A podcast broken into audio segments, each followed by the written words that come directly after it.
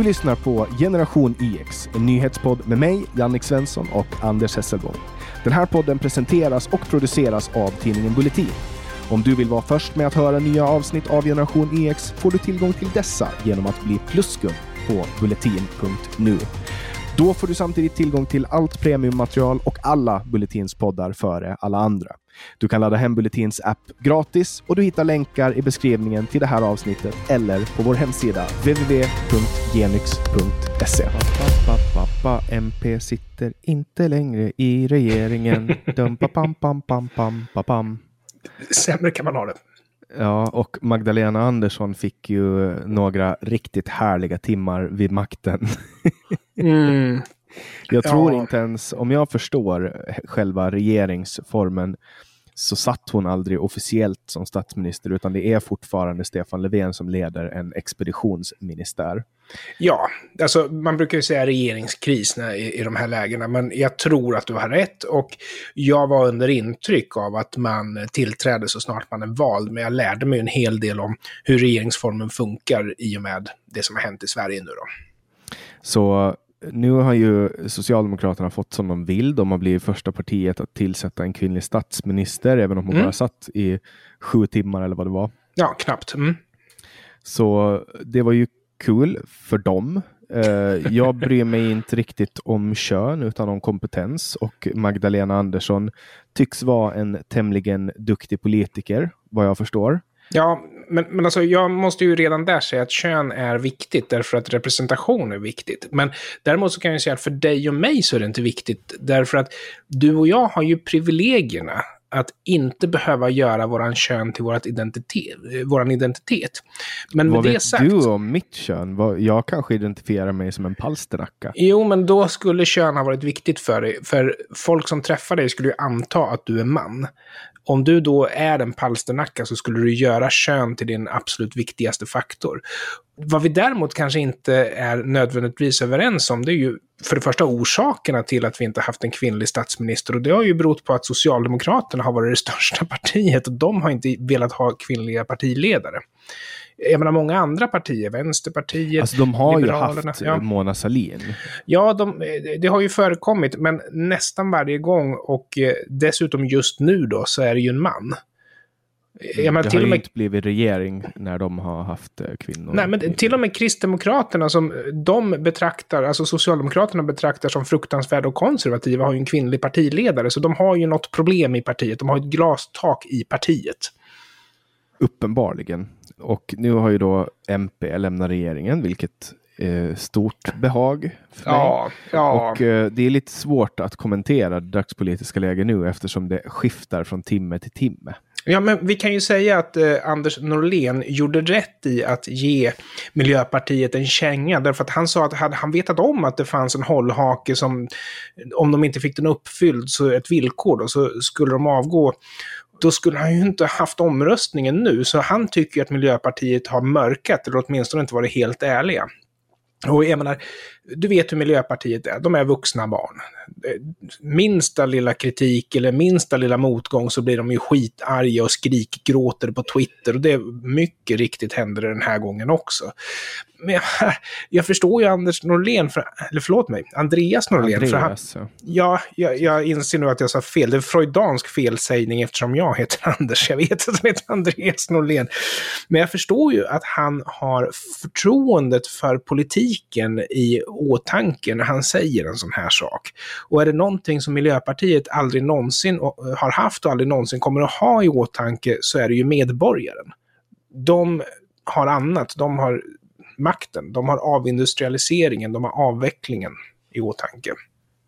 ja, men nu är de ute och nu Ja. är vi glada och nu förhoppningsvis så kommer inte den här röda regeringen att kunna fortsätta. Det är värt att nämna här, det är ju att eh, Centerpartiet både väljer att vara nazister och ta avstånd mot nazismen genom att rösta igenom en budget som SD också har röstat på. Ja, Samtidigt sitta, som de röstar emot en alliansregering. och, och släppa fram en regering som samarbetar med Vänsterpartiet. Liksom. En röst på Annie Lööf, det är den enda garanten för att du får in både V och SDs inflytande in i makten. Liksom. Mm, så kan det bli när man, när man har svårt att bestämma sig. Eh, Annie Lööf har ju, alltså det är ju tur att eh, svenska folket inte förstår sig på det här med politik, eh, för då skulle de inte rösta på Socialdemokraterna. Men eh, ja, vi får se. Det är smart rent valstrategiskt av uh, Miljöpartiet att dra sig ur, därför att det är betydligt ja. mycket lättare att gå in i en valrörelse från opposition. Ja, ja, ja. Från regeringsställning. Så att, ja. Och de, de, de gör det de behöver för att rädda sitt skinn. Nu ja. blir ju de som martyrer. Och skulle det vara så att de inte lyckas ta sig in i riksdagen här så vill jag ju ändå säga det att vi kommer aldrig kunna reparera den skada det partiet har gjort vårt land. Men genom att göra oss av med dem så blir det ju åtminstone inte värre. Mm. Ja, nej men för Magdalena Andersson så ser vi hur det går. Hon har inte varit statsminister enligt Stig-Björn Ljunggren som är statsvetare. Ja. I och med att Stefan Löfven fortfarande är statsminister. Så det, jag läser nu att det är först när kungen ger den formella titeln vid skifteskonseljen ah. som, som, han blir, eller som hon blir det. Då. Ja, just det. Eh. Kungen har ju väldigt mycket formell makt i Sverige. Vi brukar ju påstå det motsatta för att det känns bättre och mer demokratiskt. Men kungen har ju en väldigt betydelsefull roll i Sverige. Mm. Ja, den här artikeln i Bulletin där Stig-Björn Ljunggren då har pratat med, med Thomas Hedlund så säger han att uh, han tror att det är bra att Socialdemokraterna och Miljöpartiet går skilda vägar. Ja. Därför att nu får, de, nu får Socialdemokraterna att få tillbaka väljare som har flytt på grund av samarbetet med Miljöpartiet. Jag tycker mm. inte att det är bra att Socialdemokraterna får väljare, så jag håller inte med Stig-Björn Ljunggren. Nej, men han är ju socialdemokrat och en väldigt klok sådan dessutom jag vet inte, alltså klokhet och socialdemokrati går sällan hand i hand, åtminstone med den politik som Socialdemokraterna har bedrivit senaste två regeringarna. Re regeringen Stefan Löfven 1, regeringen Stefan Löfven 2, regeringen Stefan Löfven 3 och... Men du vet, han är, ju, han är ju en klassisk socialdemokrat. Jag menar, jag, jag hamnar i gräl som alltid med de här galningarna i broderskapsrörelsen, eh, Socialdemokrater för tro och solidaritet. Och det är ju alltså en sandlåda som eh, partiet har skapat åt deras Alltså religiösa fundamentalister. De kan härja fritt utan att göra någon faktisk verklig skada. Men nu håller de ju på med tankesmedjor och allt möjligt och det bara dryper av antisemitism och rasism i det här lägret. Liksom. Men jag, jag, tycker att Socialdemokraterna är duktiga på att hantera sina pelejönsar. Och eftersom det är ett stort parti så finns det ju då proportionellt sett stort, eh, alltså proportionellt sett många pelejönsar där liksom. Mm. Per Gudmundsson gjorde några väldigt bra poänger i en mm. ledare som han skrev. Han skrev, uh, när Stefan Löfven fick frågan om hur han såg tillbaka på sin regeringstid svarade han att det hade varit sju fantastiska år. För Magdalena Andersson blev det sju fantastiska timmar. Sen påpekar Sen eh, påpekar han också ironin i att Sveriges första kvinnliga statsminister i praktiken avsattes av jämställdhetsministern i den feministiska regeringen. alltså det är ju briljant. och, och jag kan spinna vidare på det här och säga att jag har sett på Twitter nu hur utrikesministern har sagt att det är ett framsteg för feminismen att Sverige har fått en kvinnlig statsminister. Vilket skapade väldigt negativa reaktioner från kvinnor i Iran på Twitter. Så att, alltså, du tog ju på dig burka, du underkastade ju talibanernas krav liksom. Vem är du att prata om feminism? Och det jag tror att folk inte tänker på, det är att förvirrade beteenden av en utrikesminister kan skada landets trovärdighet. Det skulle vi ha tänkt på innan vi börjar liksom klä oss i muslimska eh, kläder som symboliserar kvinnans underkastelse mannen. Mm.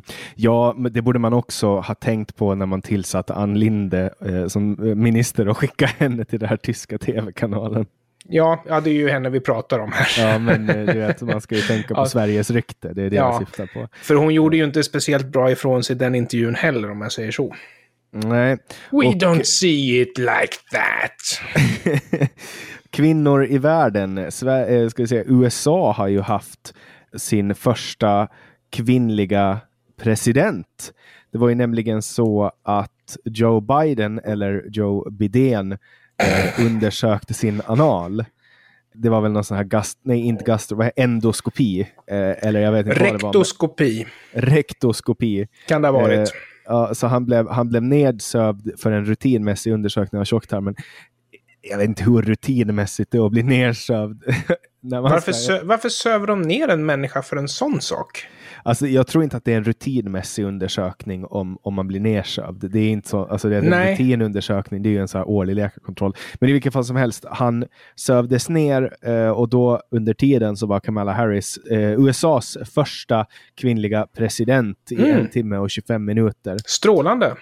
Yes, uh, så där, där har man ju också två feministiska segrar. Sju timmar i Sverige och en timme och 25 minuter i uh, USA. Och ingen blev alltså formellt vald av väljarna. Nej. Uh, jag vill bara stanna kvar på en petitess här, för du har gjort en jättebra poäng som jag absolut inte vill förringa. Den återkommer jag gärna till. Men du vet, när du blir vuxen, Jannik, då är det du som kommer att ligga där med rektoskopi och alltihopa sånt där. Jag har gjort det ett par gånger på grund av, du vet, man tar bort polyper och skit liksom man får när man blir gammal. Men jag kan ju säga att jag tog inte ens bedövning, lokal bedövning, ingenting.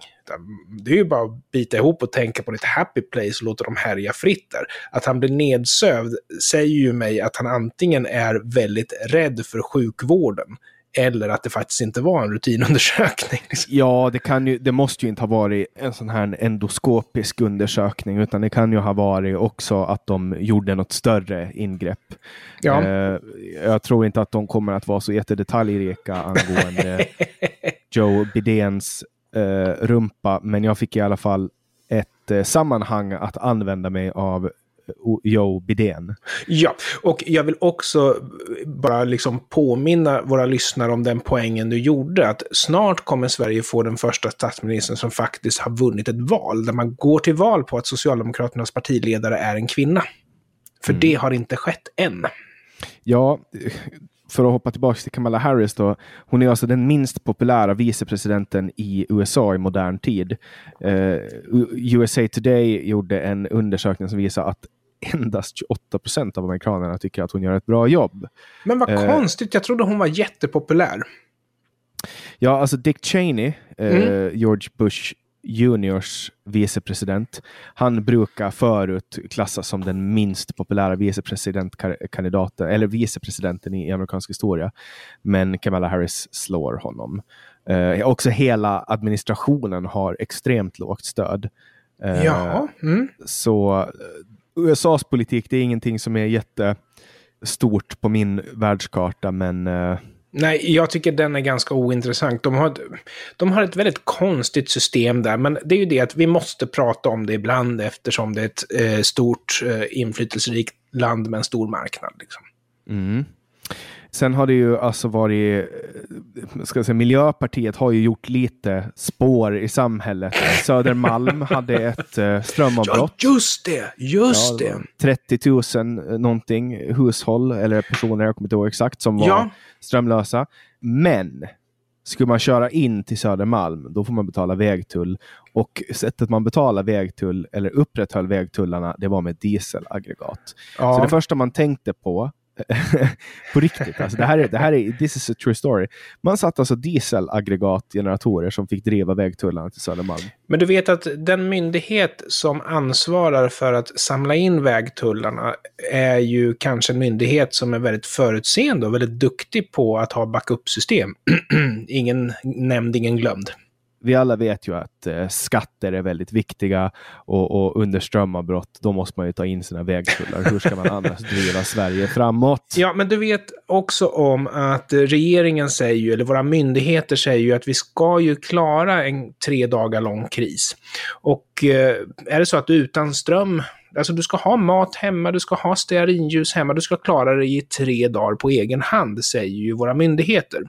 Och eh, det dröjde väl inte jättemånga minuter, jag tror det var en och en halv timme, innan Alexandra Pascalido fick panik på Twitter. Hon hade ingenting att äta, inga ljus hemma, telefonen dör snart. Så hon höll alltså i en och en halv timme. Myndigheterna säger att du ska klara tre dagar. Ja, men varför men, eh, skriker hon sådär på Twitter för? Varför kan hon inte skämmas över att hon inte riktigt klarar sig på egen hand? Liksom? Alltså, gre grejen är eh, att du måste läsa de här broschyrerna som kommer ut för att kunna veta hur du ska bete dig. Till exempel om du, ska, om du är gift med ett barn eller, eller om kriget kommer. Svenska, svenska myndigheter är väldigt duktiga på sådana här, så det behöver man komma ihåg och, och göra. Mm. Läs, läs dem. Men det du säger nu, det, det triggar mig faktiskt på riktigt. För det här blir jag fruktansvärt irriterad på. Alltså på eh, det var väl ett antal år sedan, om det var 90-tal eller 00-tal, så skickade de ju ut en broschyr som hette Om detta må ni berätta, som handlar om judarnas eh, situation under andra världskriget. Vissa av de här sakerna skrev sen en väldigt eh, i vänsterläger impopulär person om, Aron Flam. Och då blev de helt plötsligt inte längre sanna. Då, åh nej, så här har det aldrig varit. Och det där gör mig extremt eh, besvärad. Det är nästan så att jag önskar att Aron Flam aldrig skulle ha skrivit om Sveriges relation med nazismen. Därför att hade han inte gjort det så hade ju även vänstersidan kunnat förstå att det här är ett problem. Ja, så är det. Och eh, när vi ändå nästan fortfarande är inne på det här med elektricitet så ska vi prata lite om, eh, om det här med eh, kärnkraft. Det finns, ja. en, eh, det finns en app som alla lyssnare kan gå in och kolla på den. Ni går, söker på electricitymap.org app.electricitymap.org och då kan ni se en karta på hur ren energi är som produceras. Det viktigaste med den här kartan är att om ni kollar på energi så är Åland bäst i hela världen. Ligger mm -hmm. alltså på topp tre tillsammans med Flinders Island och Kings Island. Oj! I, eh, men Åland är alltså bäst i hela världen. Vi det är alltså bara en... vindsnurror alltså där? Ja, men, ja, det är producerat alltså. Ja. Eh, sen har vi ju inte, det, jag är lite, jag är lite vad ska jag säga, lokalpatriotisk nu. Men där kan man kolla på hur strömmen ser ut och hur till exempel Estland som har 1,1 kilo eh, kolintensitet medan Sverige har 42 gram. Ja. Eh, eh, så man, man kan se det här och det är ganska intressant. Man kan också se både produktion och konsumtion. Man kan se vem som importerar och vem som exporterar och så vidare. Kan man se klimatpåverkan, då ser man ganska klart och tydligt att kärnkraft är det bästa. Eh. Ja, och då kan, vi, då kan vi ju säga det att Miljöpartiet som nu har åkt ur regeringen, de kan ju haft fel i den här frågan. Och även FN har ju alltså släppt en ny rapport där de har tagit hänsyn till klimatpåverkan genom hela kraftverkets livslängd och konstaterar då att från produktion, från brytning av uran och allting så vinner ändå kärnkraft när det gäller just klimatpåverkan. Mm. Så det är inte eh. säkert att Miljöpartiet är så jäkla bra som de säger. En intressant sak här med om man kollar på jämför Finland har ju en väldigt positiv inställning till kärnkraft. Nu har, mm. ju, nu har ju Finland en högre kolintensitet ja. eh, än Sverige, men kollar man på kärnkraften i Finland så får vi alltså cirka 23,5 procent av elen från kärnkraft. Medan i Sverige så får man 27,8 procent av elen från kärnkraft. I Sverige utnyttjas 100 procent av all mm. installerad kapacitet. Medan i Finland utnyttjas 63,9 procent av all installerad kapacitet. Vilket ja. innebär att man kan skala upp vid behov. Ja. Och har man ett bra stamnät då kan man också skicka ut den här strömmen. I Sverige så exporterar man el från norra Sverige men man importerar el i södra Sverige. Ja, alltså det där är ju momentalt. Så man kan ju säga generellt sett så i och med att eh, Sverige har väldigt bra elproduktion i norra Sverige och Sverige sitter ihop med Finland i norra Sverige just så vi säljer ju liksom eh, el till er. Men allting handlar ju om netton och netton över tid. Och även i södra Sverige där elen är svindyr och Eh, det finns ett underskott så exporterar vi ju ändå el. Och det beror ju på att det är momentärt. Men vi måste ju ha, också på grund av samma sak, möjligheten att kunna importera el. Och skulle man över tid mäta det här, då ser vi ju att Sverige importerar ju mer än vi exporterar i södra Sverige, ja. Mm. Och det här eh, är ju någonting som Miljöpartiet återkommer till. De säger att vi är nettoexportörer. Vi, alltså nu när jag säger vi, då kan jag referera till både Sverige eller Finland, men, men i den här kontexten så menar jag alltså då Sverige. Ja. Men det här är ganska, det, det är väldigt, man, det är väldigt, man bedrar svenska folket väldigt mycket. Men jag rekommenderar alla att gå in på Electricity Map och kolla. Har du kollat på den Anders? Ja, jag har tittat på den där. Det var någon som tipsade mig om det, men jag var väldigt imponerad. Det är en sån här grej som man kan fastna vid. För det där är ju också lite grann av ett kaninhål man kan dyka ner i. Liksom. Det finns hur mycket information som helst att läsa på. Mm. Man kan dra sina egna slutsatser också, det är ganska bra. Det är min kompis Hadnes Jonas, som, uh, han är väldigt intresserad av elektricitet. Ja. Som uh, håller på att prata om det här hela tiden. Mm. Uh, det är Black Friday, Black Week, Cyber Week snart. jag vet inte vad en... det där... Alltså, jag, förklara för mig. Jag förstår att Black Friday är någonting amerikanskt. Och jag förstår att det här är någonting som vi har adopterat in i Sverige och kallat det för Black Week. Vad är det? Är det religiöst? Nej, men det är ju, du vet, det är ju Black Lives Matters eh, internationella vecka. Ah. Jag skojar. det, är, det, det var ganska osmakligt skämt. tycker, osmakligt och osmakligt. Jag, jag skämtar väl mer om att kläd, klädbolaget Extreme Hobby har en ny slogan. Black Week Matters. oh, du, eh, det, kan man få medalj i att kränka folk så borde väl Extreme Hobby få den medaljen. ja, eller hur? Åh uh, herrejösses vilka klappträn. Uh, nej, men skämt åsido, uh, det här har ju ingenting med, med BLM att göra. Jag nej. vet inte riktigt var det kommer ifrån. Nej. Jag bryr mig inte egentligen. Det enda jag bryr mig om är att jag fick tusen kronor rabatt på en kaffebryggare som jag köpte. Jag använder vanligtvis Mocca Master. Ja. Eh, och, och jag flyttar runt väldigt mycket. Så jag har en Mocca Master hemma på Åland och så har jag en kvarn bredvid. Jag maler mina egna bönor. Men oh. nu flyttar jag väldigt mycket och jag gav just bort en, en Mocca Master som jag använder som en reservdels Mocca Master. Jag gav bort den till Hadnes Jonas och nu behöver jag en ny. Ah. Och då, då satt jag och skulle köpa, jag skulle beställa, jag har en Nespresso-maskin här där jag bor i Stockholm. Mm. Men jag ibland blir jag sugen på kaffe och, och, och, det är väldigt viktigt. Kaffe för mig är extremt viktigt. Det är den enda drogen jag håller på med. Jag har ju varit nykter i snart fem år. Gratulerar. Tackar. Och då i alla fall så ville jag ha både en kaffekvarn och en kaffebryggare. Och, och då såg jag att numera finns det alltså integrerade. Det, finns, det ah. sitter ihop, liksom, att du har både kvarn och kaffebryggare.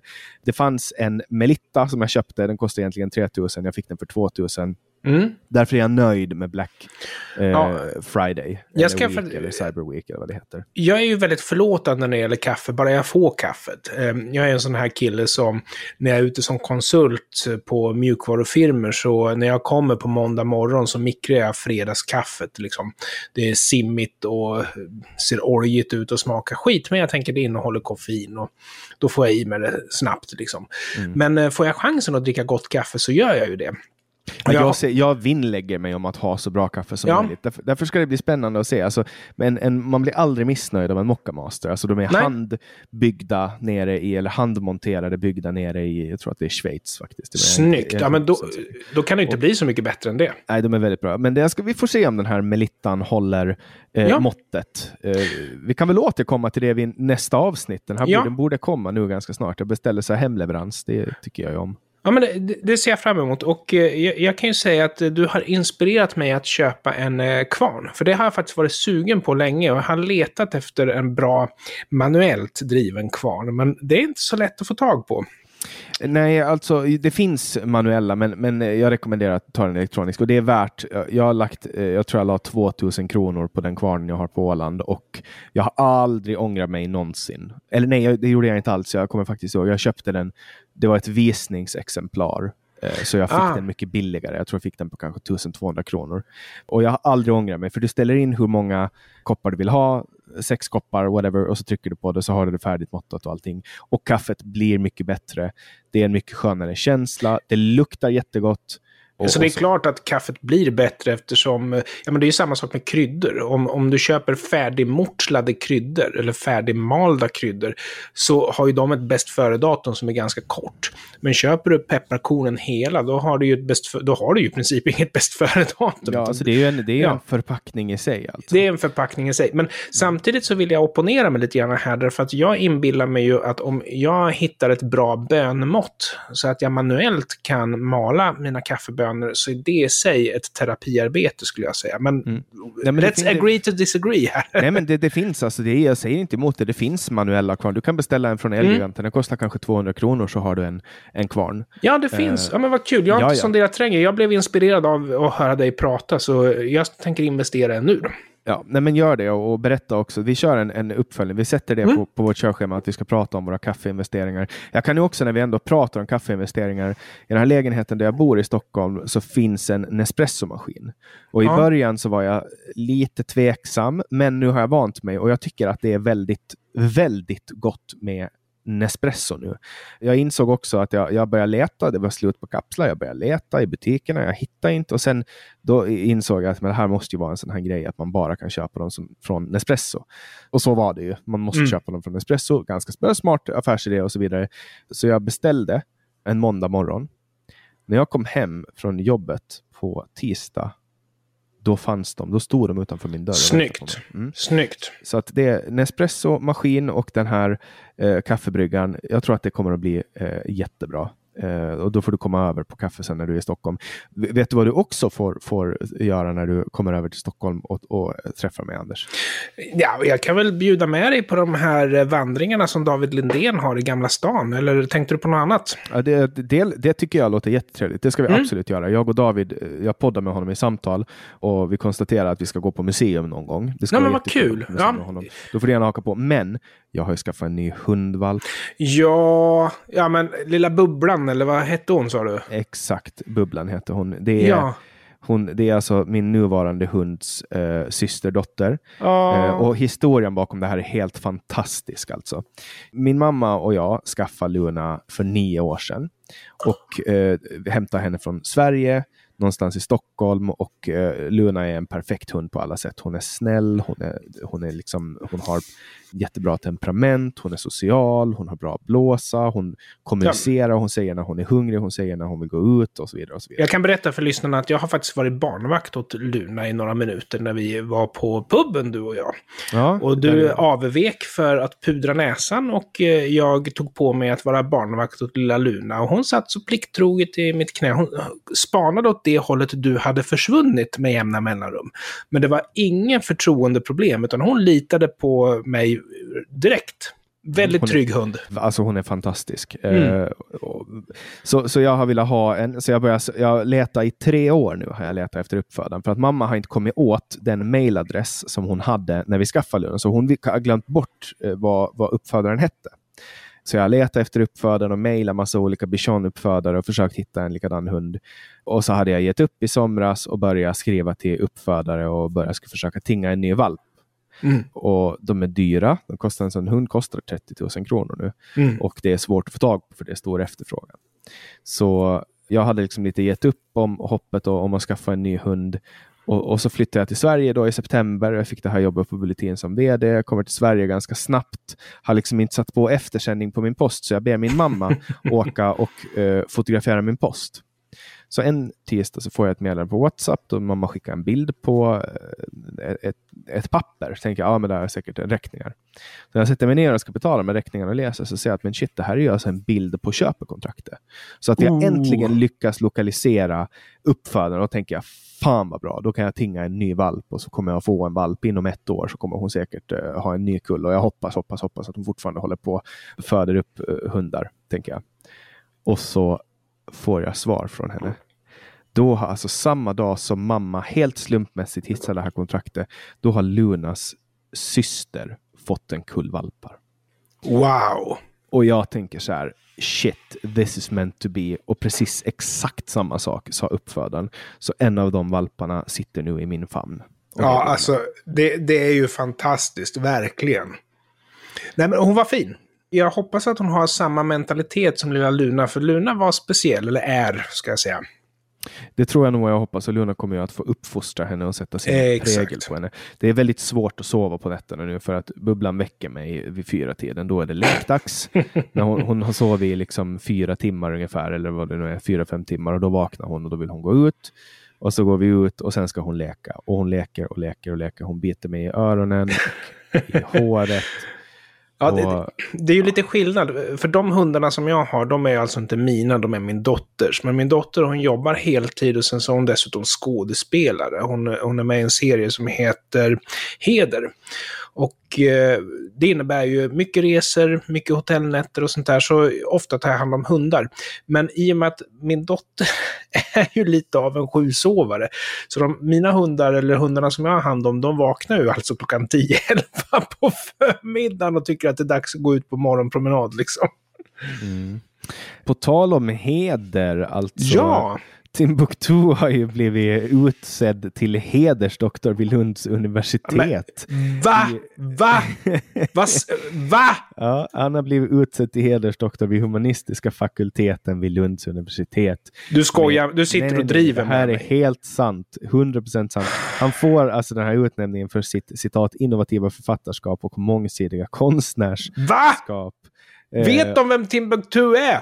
Jag tror inte det. Jag tror inte att de har lyssnat på hans musik, i synnerhet den gamla. Alltså Barbara Törnqvist Pleva, som då är dekanus för humanistiska fakulteten eh, vid Lunds universitet, Eh, ganska roligt för övrigt, dekanus. Eh, det är ett roligt ord. Eh, och hon säger då, genom sina kvalificerade och pålästa reflektioner på prosa och på vers levererande med humor och lyrisk virtuositet får han oss att reflektera över hur identiteter och sociala roller produceras och reproduceras i en modern värld. Eh, alltså, Jannik, du förstår väl vad det här handlar om?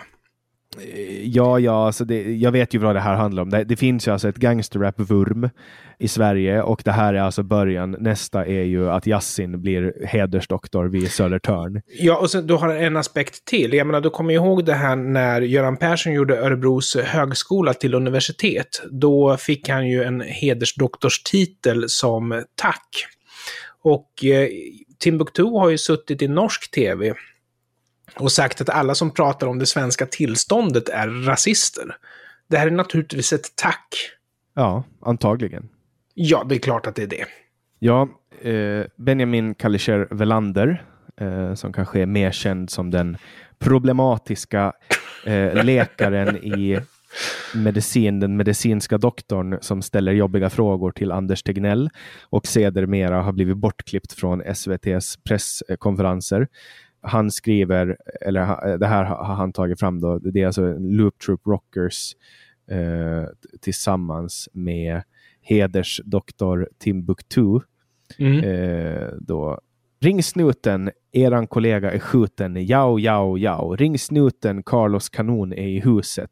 Det är dags att mata svinen med automatkarbinen.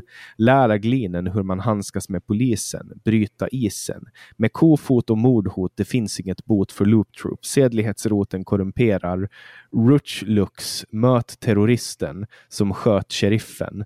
Han sökte beefen, kom igen, han döda spliff spliffe. Fast jag löste tvisten med skjutjärn från hemvärnet och cashen kom lägligt. Nu kan vi kvarta femstjärnigt ärligt. Nya sporten är värdetransporter. Nya offer, även väktare kan dra nitlotter. Kaos bröt ut efter ett par tag och röd skjut. En hel absolut när Carlos skrek skjut en snut. Men det här låter inte som gangsterrap. Det här låter som någon som imiterar gangsterrap. Så han är liksom en fake gangsterrapper. Ja, jag vet inte, det här är ju också tidigt 90-tal, men uh, han är alltså en lyricist som numera ja. är hedersdoktor vid Lunds universitet. Stort grattis till Jason Diakite. Från Jannik, inte från mig. Jag måste faktiskt säga att jag tycker de har tappat huvudet helt om jag ska vara ärlig. Så kan det vara. Uh, och det kan man tycka och jag håller med dig till 100 procent. uh, ja, med det här så får vi väl uh, tacka för idag. Det har varit ett ganska personligt avsnitt där vi har pratat om, om, om min hund. det är det viktigaste i mitt liv just nu. Jag är pappaledig i två veckor och sitter hemma här i Stockholm. Mm. snart får jag en ny kaffebryggare, så alla ni som är kaffefantaster har ju fått lite tips här. Vi har ju droppat varumärken fritt. vi kan ju säga att ingen är knuten på något sätt till oss. Eh, Nej, vi är, vi är en oberoende podcast. Vi jobbar för Bulletin, men vi är inte sponsrade av någon. Nej, men vill ni sponsra oss och ge oss pengar eller gratis produkter, hit me up. Ja. Eh, man är ju en, lite av en swish-hora. Jag tror inte vi får göra det, för jag tror vi går bakom ryggen på Bulletin då. Vi har ju till och med stängt våran Patreon faktiskt. Vi kanske ska fråga vdn och se vad han tycker. ja, men du, inte, där kommer du inte undan med, Jannik. det bästa ni kan göra det är att skaffa en prenumeration på Bulletin och bli pluskunder. Det är det bästa ni kan göra. Då är det skattat och klart dessutom. Ja, och vi kan ju, alltså nu när vi ändå pratar om tiden när jag var en swishhora, jag har ju fortfarande som bakgrundsbild på Twitter ett citat. Citat, du ska nog ta och vårda ditt språk, din högervridna patetiska lilla swishhora. Mm. Eh, från vår vän som inte ska nämnas vid namn, som vi har sågat i den här podden flera gånger. Med det säger vi stort tack till dig som har lyssnat och stort tack till mig själv och till Anders och till Bubblan och Luna. Och Walter. Hej då!